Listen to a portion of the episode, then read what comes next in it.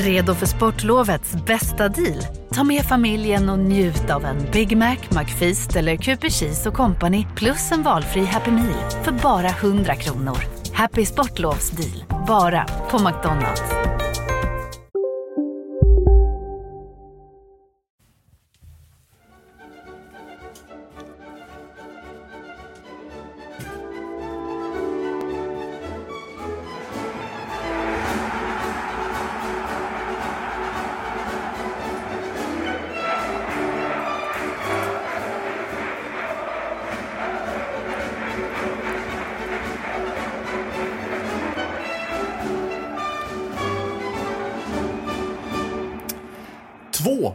Omgångar återstår av vårens allsvenska. Den 2 juni möter HIF MFF i ett hett Skåne-derby hemma på Olympia. Och innan dess, på lördag, hemma mot Falkenberg. Det ska vi prata mycket om. Jag heter Mattias Hjelm som leder HIF-podden denna vecka och bredvid mig står Erik Persson och mitt emot mig Thomas Nilsson som vanligtvis leder den här podden. Jag får väl vända mig till dig direkt Thomas. Du har tagit paus från eh, eh, datakontrollen. Jag känner mig bänkad. Nej, det är, vill, vill se hur liksom det här lilla trånga rummet ser ut från den här vinkeln. Ser ungefär likadant ut, eh, tycker jag. Men eh, det är kul att vara här och jag hoppas att du ska navigera oss igenom detta snåriga program som detta ska kunna tänkas bli. Erik, det är en diger lista du har skapat på vår eminenta whiteboardtavla. Mm. Uh, vi har ju några programpunkter att ta oss igenom, så man vill ju inte glömma någon. Så att, uh, därför uh, ska vi upp det.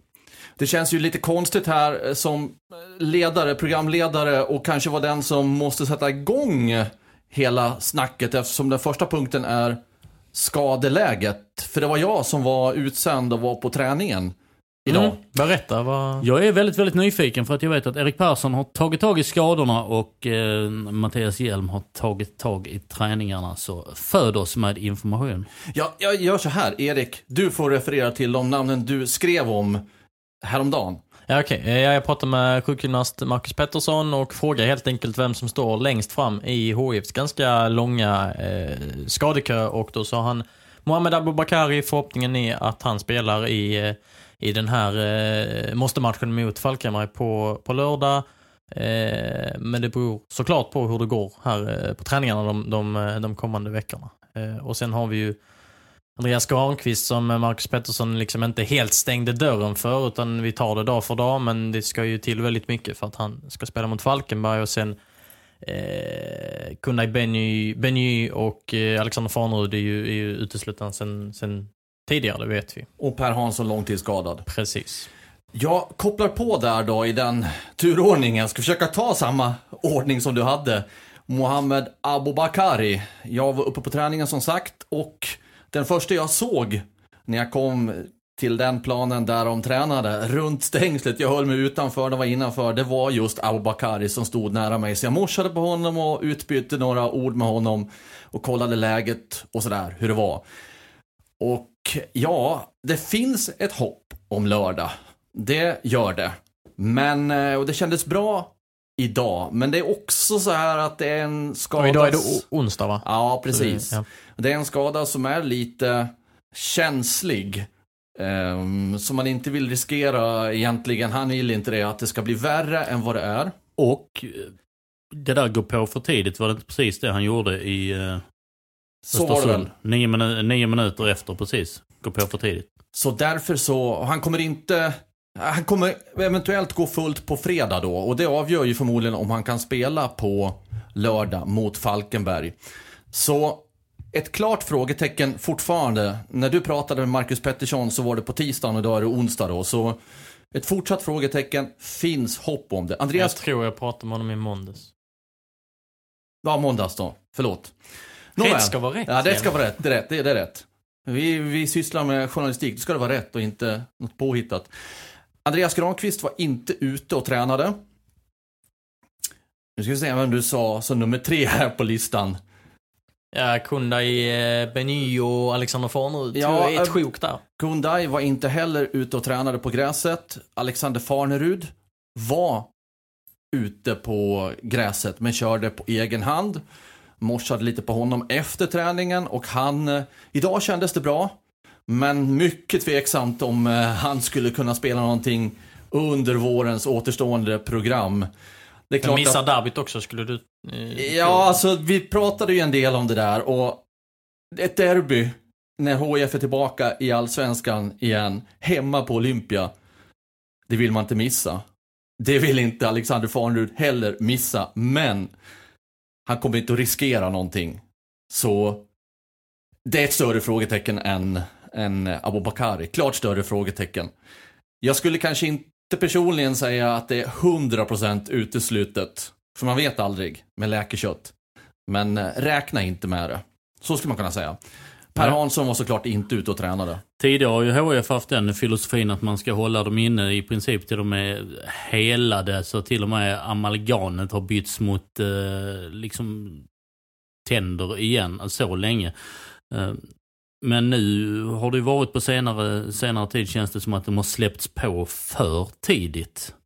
Så jag skulle väl tro att eh, HF i det här fallet går tillbaka till att det handlar om eh, om, om en dialog i hela det medicinska teamet, spelare och tränare och att eh, sista rösten i det här ska ju det medicinska teamet ha och det är ju frågan hur den dialogen egentligen har gått där inne för folk med för mycket kraft i sig själv har gått ut, gått ut för tidigt. Så att jag skulle tro att någon sån här halv, halvchansningarnas tid känns förbi. Det gör de ju.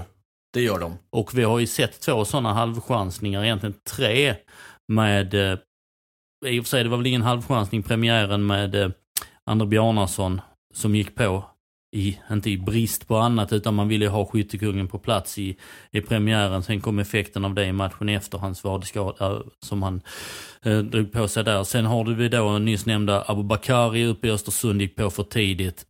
Och sen Andreas Granqvist mot, mot AIK. Så det känns lite för mycket de här som eh, man på de senaste två åren inte har sett någonting av nästan. Jag vet att jag reagerade när, eh, jag var ju inte i tjänst förra veckan då, men när jag läste också om Andreas Granqvist, eh, ja, när han kom tillbaka och man vet om hans ljumskproblematik, så bara läste jag och tänkte i mitt eget sinne, va? Ljumskada ett par veckor, det kan ju inte vara möjligt att han är tillbaka. Men det blev inte så långvarigt heller. Nej, Och så pratas det väl om att han kanske kan spela på lördag igen då, Erik. Det var väl så, men... Nej, så jag tror det är mer bara att de vill verkligen ta det dag för dag och så, men jag, jag det ska ju oerhört mycket till för att han spelar på lördag. Det är väl känslan. eh. ja, nu är det ju fyra matcher här framöver om man tittar på Andreas Granqvist. Ja, med landslaget. Ja. Ja. Så Sjunde du har- och tionde juni.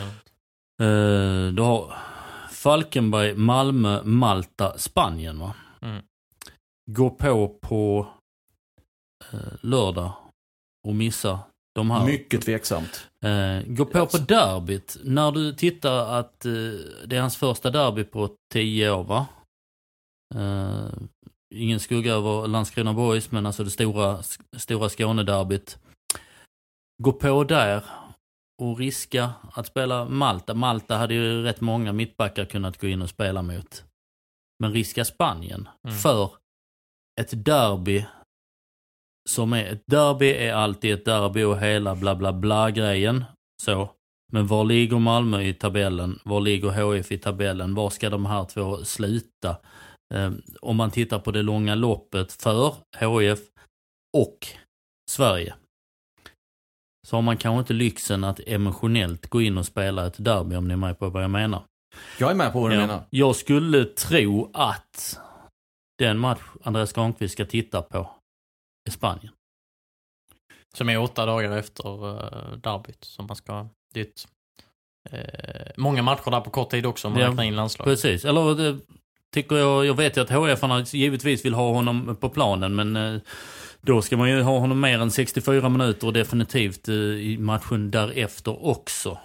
Eh, hur tänker ni? Ja, och utifrån ditt resonemang där att man riskar inte en mittback mot, mot Malta, för det kan andra göra, för att vara redo till Spanien, så tänker jag samma sak om man tar de två hif matcherna nu då. Man riskar inte Andreas Granqvist mot Falkenberg, för det ska HIF vinna ändå. Och i så fall så är det ju derbyt, trots allt det innebär, som är betydligt mer logiskt i min hjärna i så fall. Och den hade man kanske då gått in mer på, om det inte hade varit för de här landskamperna efteråt, eller så kanske han spelar då och känner sig helt fit for fight, jag vet inte, men jag tror ju inte att han går på mot Falkenberg. Är Falkenberg västkustens Malta?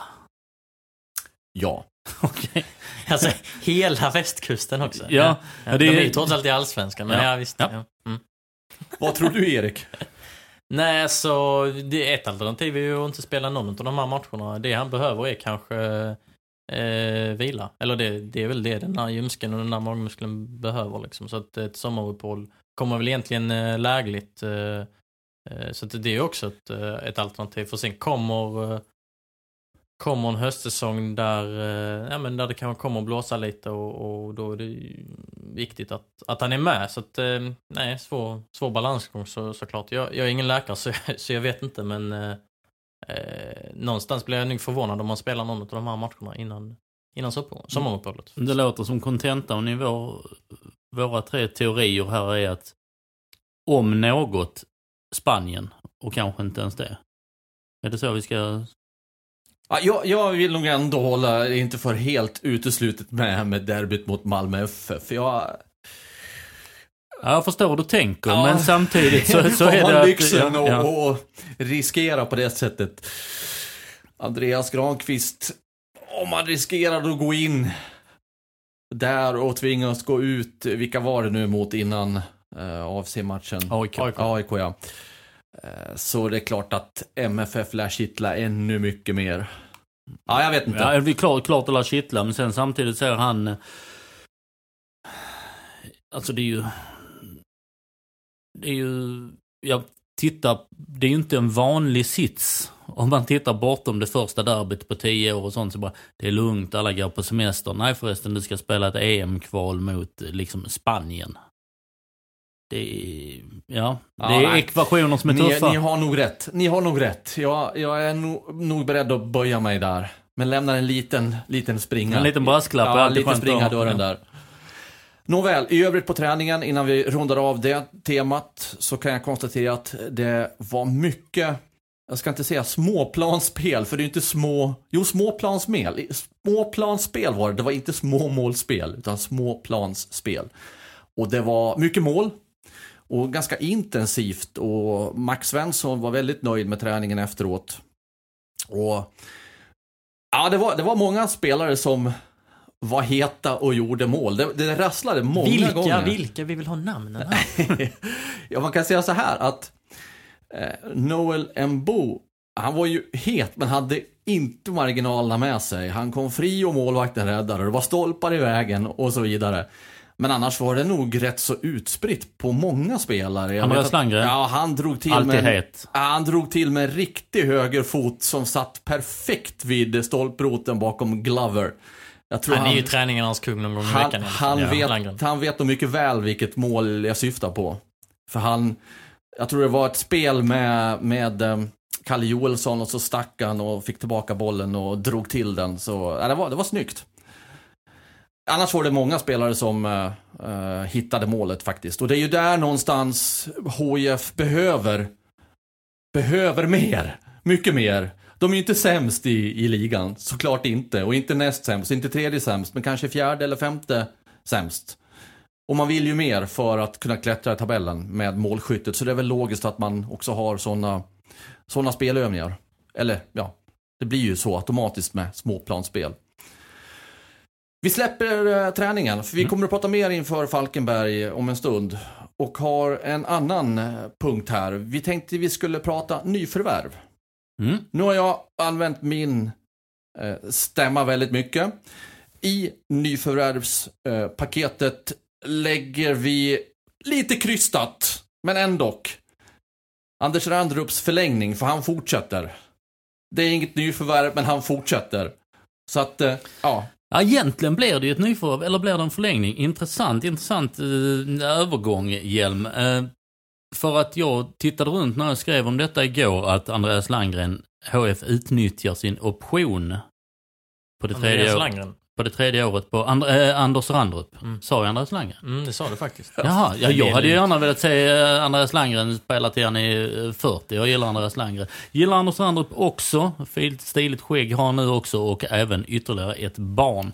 Eh, Men eh, Randrup, han skrev ett treårskontrakt. HF presenterade han skrev ett treårskontrakt.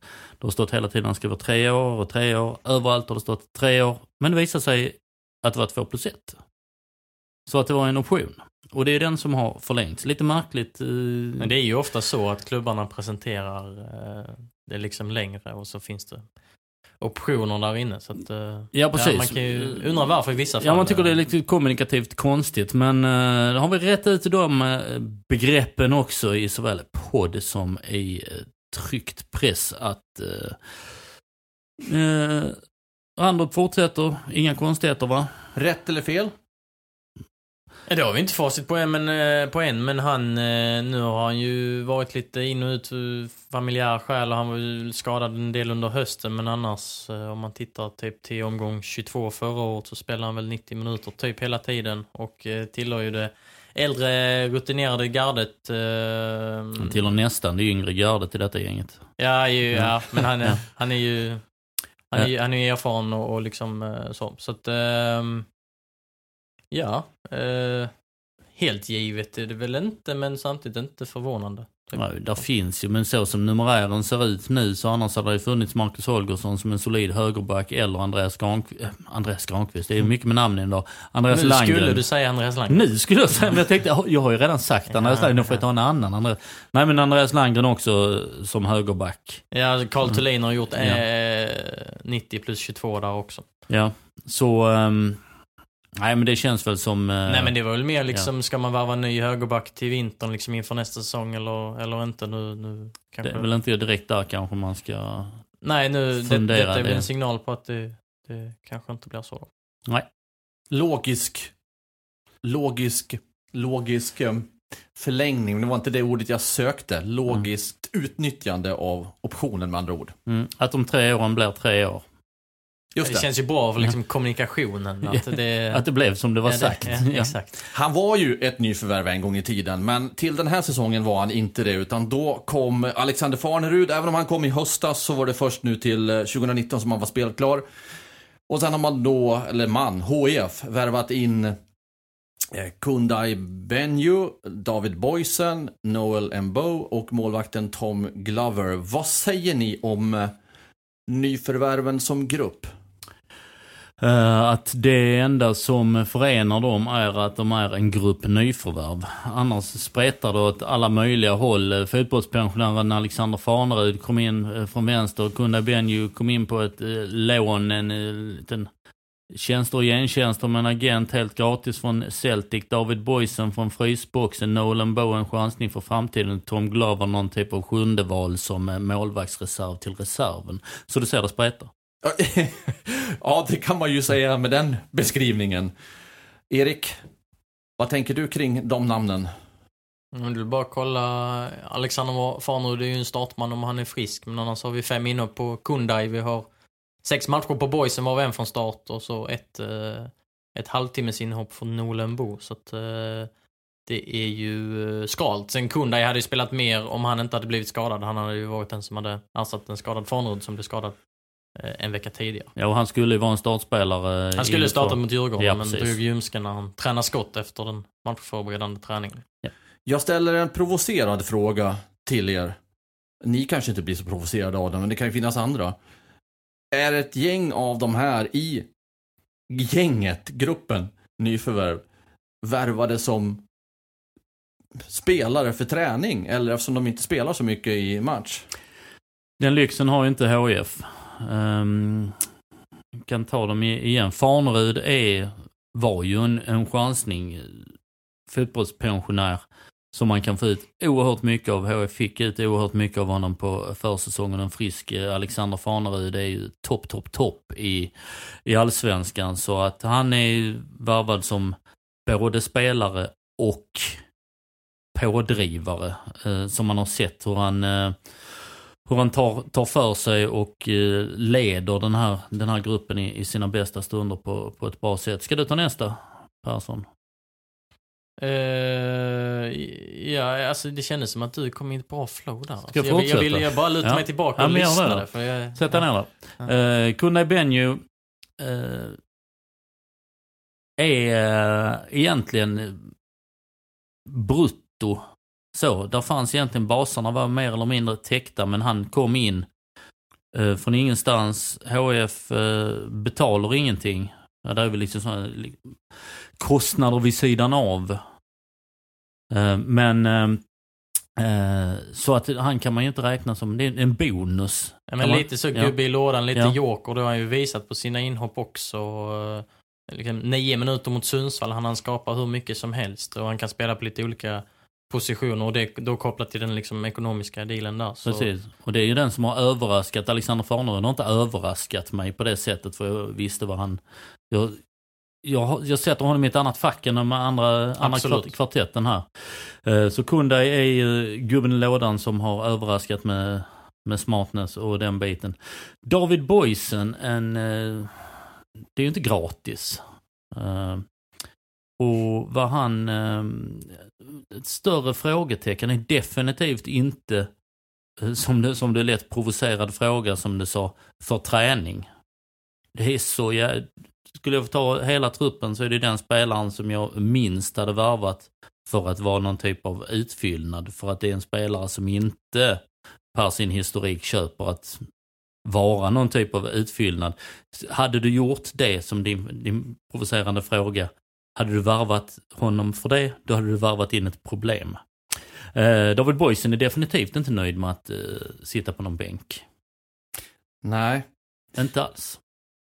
Tror du att eh, Noel och Tom är det då? Eh, Tom Glover har inget val. Han kan vi återkomma till. David Boysen är inte nöjd för att han har ju trots allt spelat fotboll och presterat på hög nivå både här och där. Eh, han är ju etablerad, liksom, Ja. till skillnad från Nolan Bo och Glover och eh, även Kundai så har ju boysen, eh, han är, vad är han, 27-28, han har varit i Holland, han har varit Dan i Danmark och han var i Elfsborg senast, inte mycket speltid, men det är ju en etablerad spelare vi, vi pratar om, som även matchades ganska hårt på, på försäsongen och många trodde väl att han skulle vara med i en startelva i premiären i alla fall. Precis, och där är det oerhört viktigt för en tränarstab att prata med de här spelare, ja, vad vad är han, 14 kanske då? Ja, 13, Eh, 14 när, när du tittar på, tittar på inhoppen. Det, du ska inte springa omkring och prata med eh, eh, Kalle Joelsson och Adam Eriksson som är, som är ordinarie. För det är klart du ska göra. Men här är det viktigt framförallt en sån som David Boysen med sin historik. Att kamma medhårs eller göra vad, vad som helst för att få bibehålla den harmoni som man får förutsätta trots allt finns kvar. Ja, det, Ehm. får, det är ju lätt att han liksom, att hans tankar och känslor från Elfsborgstiden när han knappt fick spela någonting, att Japp. de dyker upp. Han har ju dem i fast, fast minne liksom, så att eh, absolut, det, är en, det är en karaktär att, att hantera liksom. Ja, och då, då, är det liksom, då ställs idrottspsykologin på sin, eh, på sin spets från eh, folket runt ja, och i det här laget för att det här ska, ska funka. Eh, Nolan Bow trivs väl inte med att inte spela här heller. Men å andra sidan så kommer han ju från en historik där han inte har spelat det där heller. Vilket gör att alla ska vara missnöjda när de inte spelar. Men han har ju inte något att luta det på, så att säga. Sen är han ju betydligt mer oslipad, eller mindre slipad, än vad eh, David Boysen är i eh, sätt att spela den här typen av fotboll. Det som eh, liksom är intressant, och som sagt, Nolan Bo, vad har han? En, en minut i League One och två eh, cupframträdanden för Gillingham, så det är ju inte mycket. Eh, det som är intressant eh, är ju att han och Bjar Bjarnason är ju egentligen liksom de enda renodlade anfallarna och eh, det har ju signalerats tydligt när Bjarnason har varit borta att eh, en Bo inte är där än utan Wanderson har spelat där, Boysen har spelat där och, och eh, klart att det frustrerar eh, extra eh, för, eh, för Ja, när, när andra på fel position Mm. går före, ja. Om jag då återvänder till eh, min provocerande fråga så att inte ni och för övrigt framförallt ni som lyssnar missförstår mig. Det är klart att Alexander Farnerud var given på något vis. Kundai Benju har visat sig vara en spelare med mycket i sig. Men jag tänker då att okej, HIF har ingen stor plånbok. Man får titta därefter. Men om man gör värvningar så bör det i min hjärna vara så att man värvar för att det ska vara spelare som konkurrerar på allvar att ta en plats. David Boysen har inte spelat mycket. Noel Embo har definitivt inte spelat mycket. Och Tom Glo- Glover, ja, Ja, men var, man var ju tvungen att ta in någon målvakt. Jo, jo visst, såklart. Men eh, Totten- jag ställer ändå mig frågan varför värvar man vissa spelare om de ändå inte kommer att göra avtryck? När vi är ändå en, en tredjedel in i serien. Jag kanske är helt snett på det, men jag ställer ändå frågan. Så här. Alexander Farnerud. Eh, oerhört billigt. Du får mer för pengarna än vad du... Eh, liksom ingen transfer, ingenting. Du får mer pengar. Nej, och den är ju pengar. självklar. Den är självklar, så den glömmer vi. Kunna Benjo, helt gratis. David Boysen, frågetecken. Nolan Bow, billig. Tom Glover, gratis. Där har du ju det egentligen. Tottenham betalar Tom Glovers lön. Eh, Kunna Benjo betalar, eh, betalas av Celtic. Eh, Nolan Bow, eh, billig. Löst på tre år va? Mm. Framtid. Sägs det i alla fall. Säg, säg, alltså, vilket betyder två plus ett. Eh, sä- eh, Säger... eh, Men eh, boysen i det här sammanhanget är egentligen frågetecknet. Ja, det, det håller jag med om. Om, om man tit- tittar på de här, för en andra är inte mycket att snacka om. Ehm, och, och de andra, har du skador på dem, uh, Kunde och, och Alex? Sen kan man ju diskutera liksom om man skulle ha in en forward till som nu blev en bo. Eh, det kan inte kosta för mycket men om man vill ta in någon liksom äldre, kanske mer etablerad spelare som kan gå in här och nu. Eller ser man att liksom en bo har ett eh, liksom högre tak och en, en bättre utvecklingspotential och kanske skjuter höjden nästa år. Ja, på något Eh. sätt ska ju den, ska hela den här, ska det här eh, karusellen snurra. Ja. Och den ska snurra, snurra längre. Och vi har ju diskuterat eh, i många månader nu att det är många värvningar som är äldre och liksom när, sen, det måste ju komma en generationsväxling eh, någon gång. Eh, en bo i 99, visst han kommer från England så han är ju inte närodlad men man kanske man måste ju tänka eh, långsiktigt kontra kortsiktigt också. Sen, sen blir det ju en extra anmärkningsvärt med tanke Har du också valt att bli egen? Då är det viktigt att skaffa en bra företagsförsäkring. Hos oss är alla småföretag stora och inga frågor för små. Swedeas företagsförsäkring är anpassad för mindre företag och täcker även sånt som din hemförsäkring inte täcker. Gå in på swedea.se företag och jämför själv.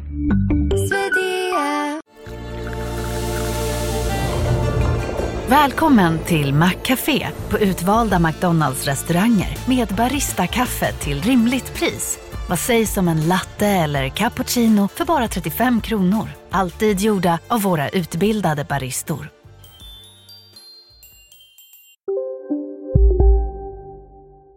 på att eh, det inte finns som sagt eh, så många renodlade forwards i truppen. Nej, och det är ju där är ju mysteriet och det är väl det som kan få Nolan Bow och, och Gny. Att andra går, går före på en position de inte trivs i att spela på. Och han är en renodlad forward och han har inte fått visa upp egentligen i, på träning. Det är en sak, match är en helt annan sak. Sen kan man ju säga vad man, vad man, vad man vill om den biten. Men tittar du på rent föreningsstrategiskt på alla de här fem så är Nolan Bow den som jag gillar bäst. Okej. För att det är ju en spelare som kan generera ekonomi i framtiden. Eh, Tom Glover, eh, någon annan betalar, han är här för att sitta på bänken. Eh, det jag har sett av honom så sitter han där av en anledning. David Boysen, med ett record och oddsen mot sig att, och vad är han, 27-28, ingen ålder egentligen men eh, oddsen mot sig att kunna generera pengar för att han har ett CV med sig som gör att folk aktar sig för att eh, eh, köpa honom. Skulle jag Ja, tro. och, och åldern på det. Ja, precis. Och Kundai eh, går tillbaka till Celtic i januari nästa år. Alltså 0 kronor för HF om man så skulle göra 50 mål. Så, Alexander Farnerud på ålderns höst och mer än så. Så det som kan generera någonting fotbollsekonomiskt framåt är Nolan Bow. Vet Så. ni vad? Jag tror att ni just precis har eh, fått mig att förstå saker och ting. Och om det bara är då boysen som är ett frågetecken i den här värvningsgruppen. så må det väl vara hänt, tänker jag nu. Det gör väl alla föreningar, eh, värvningar som efter ett tag visar sig vara, jaha, skulle vi ha gjort det eller skulle vi inte ha gjort det? Och han kan ju fortfarande explodera och vara bra. Så att i stort kanske det har varit rätt ändå. Ja, men 80% rätt och 20% frågetecken, är väl hyfsat. Ja, ja ni, tack. Varsågod. Ska vi släppa den gruppen? Nu har vi pratat om nyförvärven länge. Mm.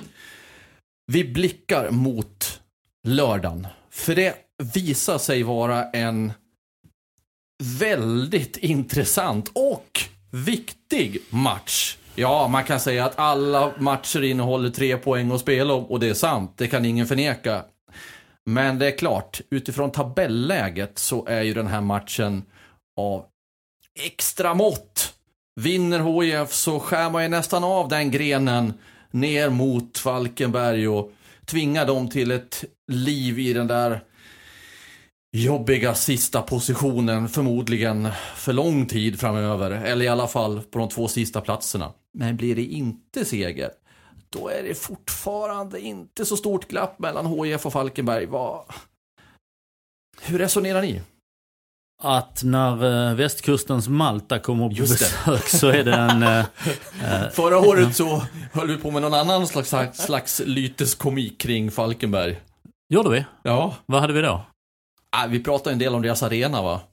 Alkoholfri arena. Ja. ja. just det, det pratade vi pratade mycket om det. ja.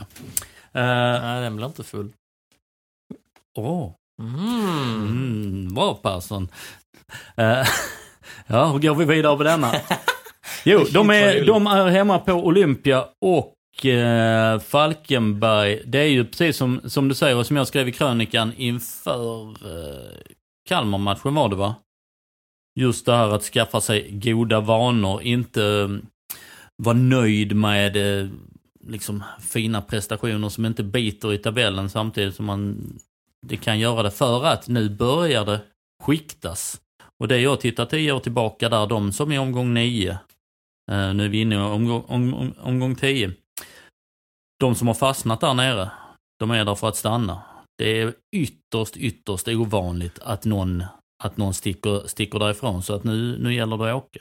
Ja, det ser man ju på lagen som är där också. Om, om, om Malmö, hade, Malmö FF eller kanske AIK, då hade man, där, där finns, de, de kommer ju resa sig. Men de lagen vi har där nere eh, har väl inte världens liksom högsta kapacitet eh, i den här serien. Så att, eh, det är också ytterligare ett argument för att det kommer att bli något så här som det ser ut just nu. Och när du skrev det Thomas så skickade jag ett sms till dig med hänvisning till högsta serien i hockey. För där har jag räknat på samma sak genom åren och det, det är samma mönster där också. Det finns undantag. De som är nere i skiten efter ett tag och som lyckas kravla sig upp ur den där dyngan och faktiskt får ett drägligt liv i någon slags mittenland. Och någon gång finns det säkert tillfällen som har gått ännu bättre trots jobbig start. Men i stort, lång tid tillbaka, har man hamnat där så blir man kvar. Mm. Och det är ju den verkligheten man måste, eh, måste titta på. Det är ju, man kan ju säga att det här löser sig för att lag X och lag Y gjorde det för nio år sedan respektive sju år sedan. Eller något liknande. Ja, men liksom lag MNOPQ gjorde det inte. Och det är ju det som är statistik. Och det brukar också vara så att spelare kan säga när det är sex poäng upp så att ja, men det är bara två segrar så är vi kapp. Ja, matematiskt kan det vara så, men det förutsätter att det laget ovanför förlorar två matcher i rad. Och det är inte alltid det händer, så de här sex poängen brukar sällan gå väldigt fort. Så det, det finns, det finns någon slags själv... Man försöker få det till en självuppfyllande profetia och lyfta fram att gör vi bara det och det och det. Det där existerar fortfarande i alla sammanhang. Men, ja, eh, jag köper inte riktigt det där. Man måste vara mer förankrad med fötterna i myllan och se på det ett annat sätt, på ett annat sätt tror jag. Alltså vikten av att vinna mot rätt lag. Falkenberg har spelat 0-0 mot AFC. Eh, för övrigt den enda bortapoängen de har. Eh, och de har spelat 0-0 mot Sirius också. Två lag som kommer vara där. Så att eh, eh, vinna mot rätt lag är oerhört eh, viktigt. Mm, vinna överhuvudtaget också. Mm. Eh, är ju... Jo, det, det, är ju, det kan man ju börja med. Ja, ja precis. Och sen, mot, Och sen mot- förra året ja. hade ju HF några heta eh, matcher mot Falkenberg i Superettan mot Met, liksom viktiga. Då vann de väl 3-2 borta och 1-0 hemma om jag inte Ja, missminner mig. I, och då var ju Falkenberg också en konkurrent. Var Falkenberg i- i inte den där vändningen precis innan sommaruppehållet den, eh, den gången också? Jo, jag såg den på Hansson flygplats på väg som mot VM. kapten. Det var precis där, eh, ja sommar... På väg mot VM? Alltså jag var inte med, jag såg VM som åskådare. Ja just det, I just det, det var ju då ja. Då var det. Mm. Precis. Eh, ja, men ja, vad säger ni om uh, Falkenberg hemma på Olympia då? Folkfest. Är det nu jag ska tala om, tala om hur det går, eller? Mm, gör gärna det. Alltså jag förväntar mig att det blir en seger för HIF. Nu, nu tappade man två poäng borta mot AFC Eskilstuna, man hade ledning och det blev kvittering sent. Och det var ett lag som man ju bör slå. Nu kommer ett nytt sånt lag som man bör slå. Den stora fördelen här är att det är på Olympia och det är på en perfekt gräsmatta. Falkenberg är ju van vid gräs också i och för sig.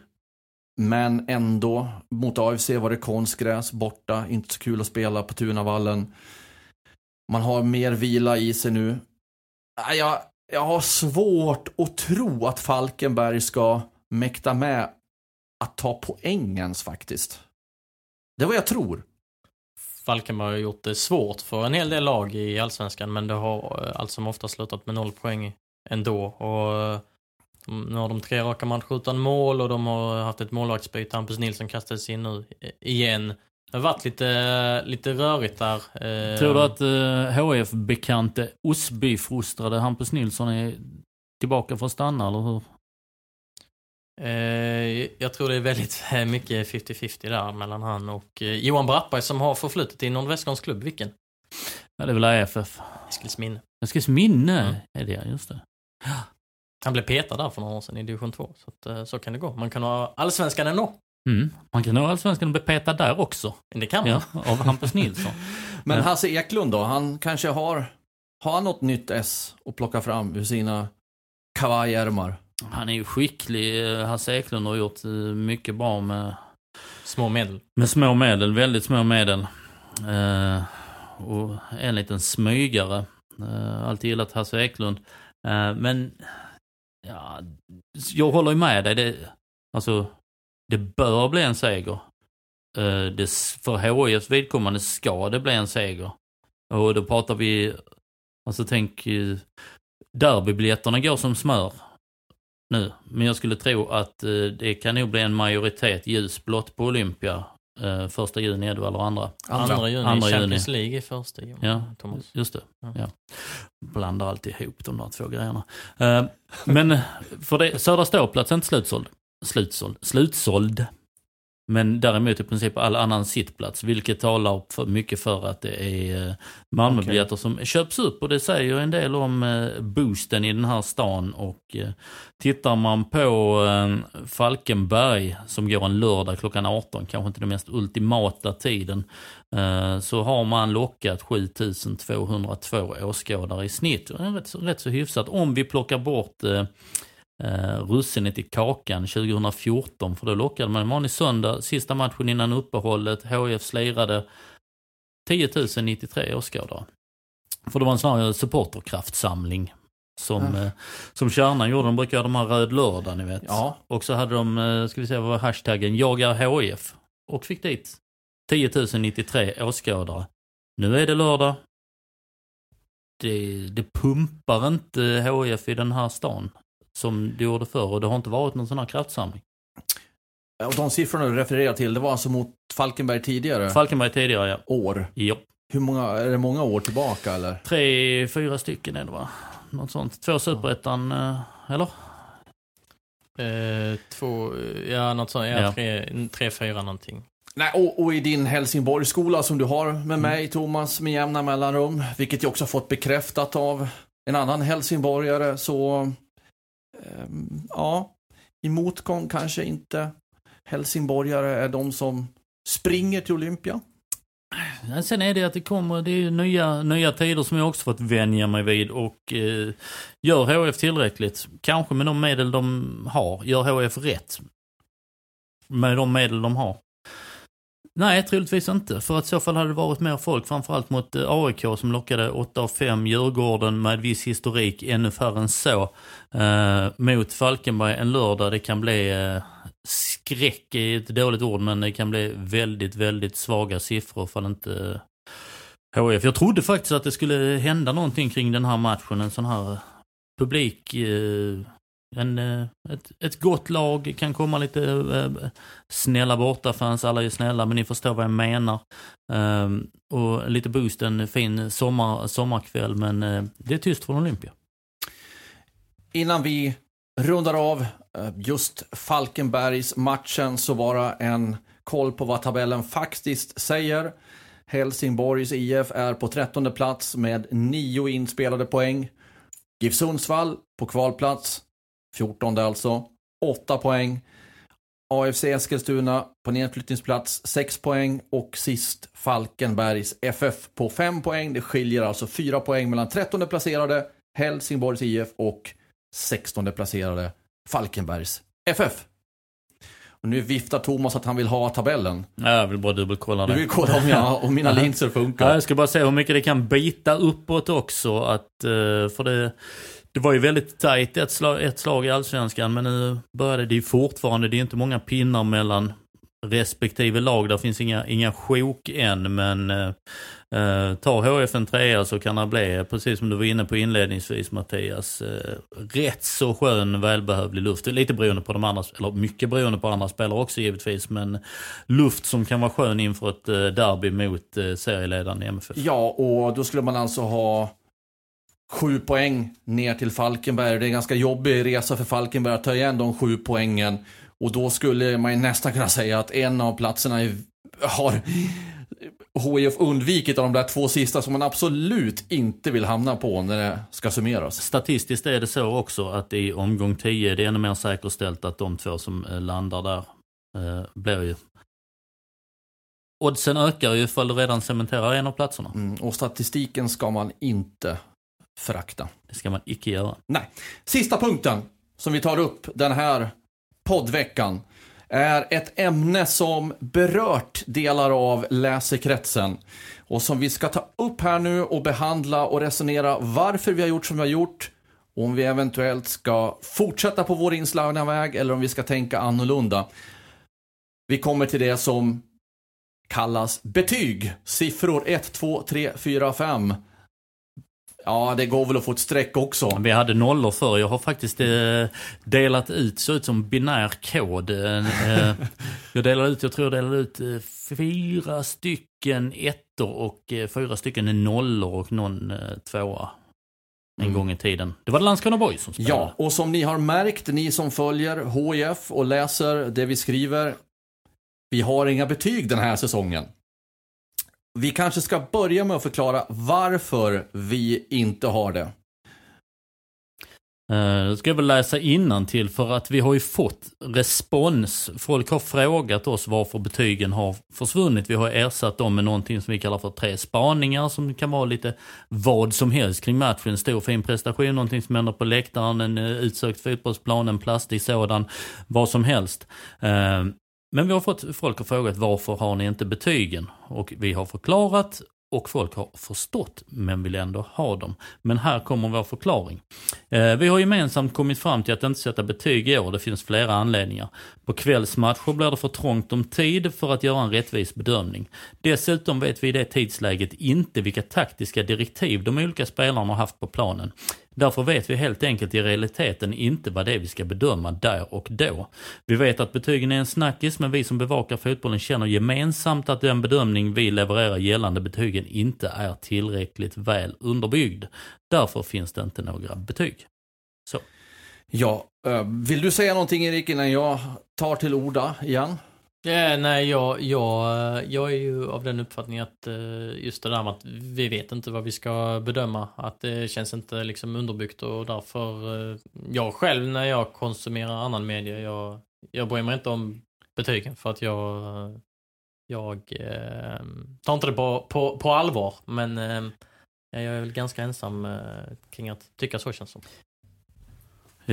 Jag ska bara sticka in att jag tror inte du alls är, tittar vi i branschen så, ehm, så är du inte ensam om, Nej, om, men- om, om att tycka så.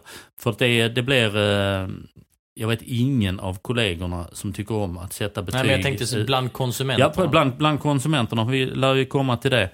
Men för det, det handlar egentligen bara om att slänga upp ett gäng siffror. Missförstå mig rätt, det är väl klart vi gör vårt allra yttersta för att göra det så korrekt som möjligt. Men eh, som jag läste högt innan så har vi inte bedömningsmaterialet att, att göra det på. Men egentligen är det att vi levererar ett diskussionsunderlag till fikaborden som är mer viktigt för diskussionen än vad jag kanske trodde. Ja, jag tänker på två saker. När vi pratar det här med att vi inte har alla fakta som vi kanske behöver för att sätta betyg. Så kan man säga att det har kanske inte så många tidningar och journalister runt om i fotbollsvärlden. Och det är ju betyg överallt. Olika betygsskalor och mer finjusterade betygsskalor och fler betyg och så vidare. Men för att konkretisera det där så när vi pratar om att vi inte vet vilka tränardirektiv det har varit så, så handlar det ju om att en spelare som ni tänker är offensiv och som vi tänker är offensiv kan plötsligt ha fått defensiv order. Du ska inte gå fram idag, du ska hålla dig och täcka av den här ytan, täcka av den spelaren. Det ska inte komma in några passningar där. Och han har gjort det klockrent utifrån de kriterier han har fått att förhålla sig till. Det vill säga en femma i betyg. Och så sitter vi där och tycker att oj vad blek han är framåt idag. Vad är det här? Det här har vi inte sett på många matcher. Han är knappt godkänd va? Pendlar mellan ett och två. Han hade ett gäng felpassningar där också. Hade han Det inte händer ingenting, ingen bensin. Och, och så blir det en tvåa. alltså. Ja, det känns ju som att alla när de, när de eh, tänker betyg så är det vad spelaren gör med bollen. Mm. Men eh, man har oftast inte bollen. Det är minst lika viktigt eh, och det känns som att det, och det kräver ju mer av, av våra ögon också och liksom vissa matcher eh, har man själv svårt att analysera efteråt. Det är Många tränare och spelare som också har det, de får se om det.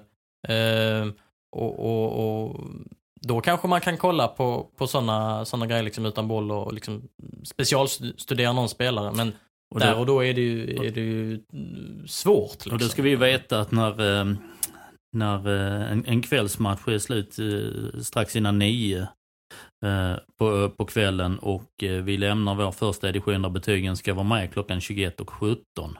Och eh, då ska vi ha med x antal annat förutom eh, betygen där. Det är ju och vi ska gärna ha det- kommentarer också. Ja, och där har det ju det är ju där tidspressen uppstår. Det, det är om vi tar det ett steg längre.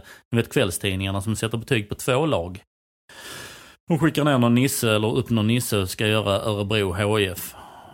Vederbörande har aldrig varit på en HIF-träning, än mindre på en Örebro-träning, ska ju, som det var tidigare.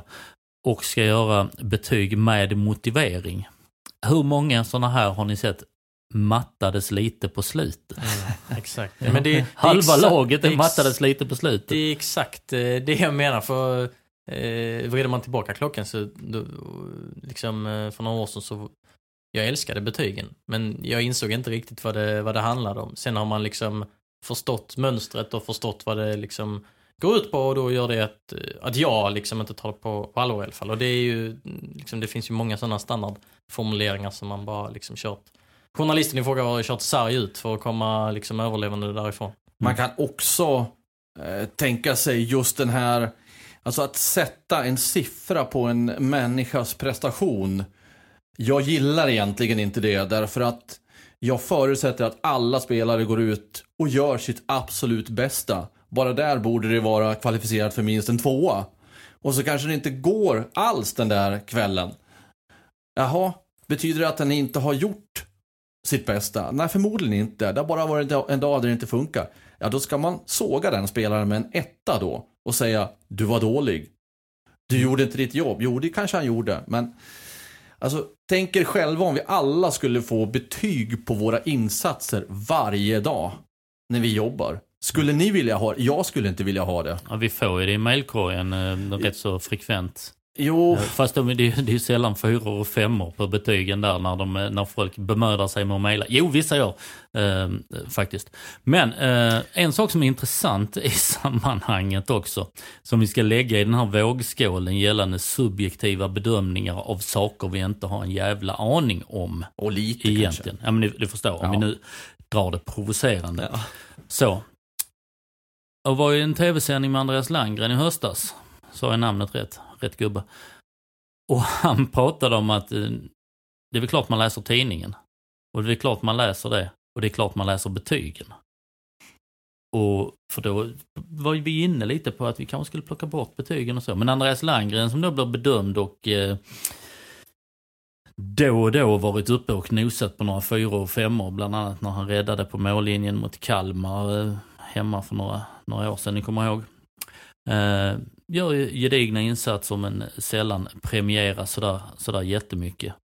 Och han var också inne på det här att eh, Thomas och hans kollegor vet ju inte våra arbetsuppgifter egentligen under matchen för då har ju det ju läckt för mycket.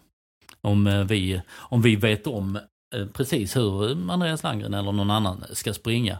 Men jag vill gärna läsa betygen, sa han själv. Mm. Ja, där, ställ, där ställs alltså den killen vi, vi bedömer utan att kunna bedöma riktigt vill ändå läsa bedömningen. Ja, ja, det är ju intressant såklart. Jag tänker också, jag sa att jag skulle säga två saker. Jag sa ju bara en sak just vid det tillfället. Den andra var att jag tror att det är så att vi, ni som lyssnar på det här, vill ha en siffra att förhålla er till. Antingen att kunna vara arg på reportern i fråga som har satt den. För att någonstans kunna ventilera sina känslor. Eller alternativt... Vi betygsätts i Ja. vår betygssättning. Ja, precis. Exakt. Eller alternativt få känna med eh, om du då tycker att eh, en spelare inte har gjort någon bra insats. Det är ju framförallt i de tillfällena att vi har satt ett lågt betyg så ni kan känna er med. Precis, skönt. Skit ska de ha när de inte har varit bra. Alltså just den här känslan att förhålla sig till bara en siffra egentligen som kan vi- skapa så mycket mervärde. Den kanske vi har undervärderat. Sen är det också så, alltså i min värld kan ju en spelare som, ja men typ säg att han stänker upp en, en boll i krysset till 89 och liksom blir matchvinnare. Han kan ju varit värdelös liksom hela matchen innan. Ska han ha en femma för att han gör typ matchens enda mål och det är snyggt? Nej. Alltså det, det är ju så, det är såna, såna grejer också där, ja. Ja, jag, ja, det är svårt. Mm. Så vi ju efterlyser väl ännu fler kommentarer av er som lyssnar. Maila in till oss. Ni hittar ju våra mailadresser i artiklar dagligen. Precis, eller mejla till sporten.hd.se så, så hittar vi eh, hela gänget om sporten.hd.se. Sen HF-podden finns ju på Twitter också, kan ni, kan ni hitta där. Hör av er för tusan på något sätt. För att höra av er, det brukar ni göra, i synnerhet när det gäller det här. För jag har fått oerhört mycket eh, läsarrespons på att de har, de har försvunnit. Och även på stan genom året har man ju också fått väldigt mycket respons och det är väldigt ofta gällande betygen. Vi är inte omöjliga. Visar det sig att eh, det kommer en massa apropåer igen här att ja, men varför har ni inte så kanske vi får ta upp det här till diskussion igen eller vi har tagit upp det igen. Ska vi återinföra dem? Ja, vad säger ni? Maila sporten.hd.se eller hör av er på ett eller annat sätt så får vi väl eh, ta och sätta betyg på det också då. Så kanske vi får göra. Något mer som ni vill tillägga? Det blev ett långt avsnitt. Nej, är vi färdiga? Känns så. Eh, Jag tar hand om eh, västkustens Malta på eh, lördag tillsammans med dig Hjelm va? Yes! Då blir det krönikor, texter och minsann ett eftersnack. Jajamän. TV. Och tre poäng, det har Mattias Hjelm lovat. Ja, det brukar jag i och för sig göra. det är inte alltid jag håller mina löften dock. Får det bli sista ordet för veckans HIF-podd. Tack så mycket för att ni lyssnade och välkomna tillbaka om en vecka. Då får vi se hur Falkenberg-matchen faktiskt slutade och då vågar vi lova redan nu. Det kommer att bli full pumpning inför derbyt, men det är att gå händelserna förväg nu. Om Falkenberg, alltså västkustens Malta Valletta. Ja, vi tackar som sagt så mycket. Hej,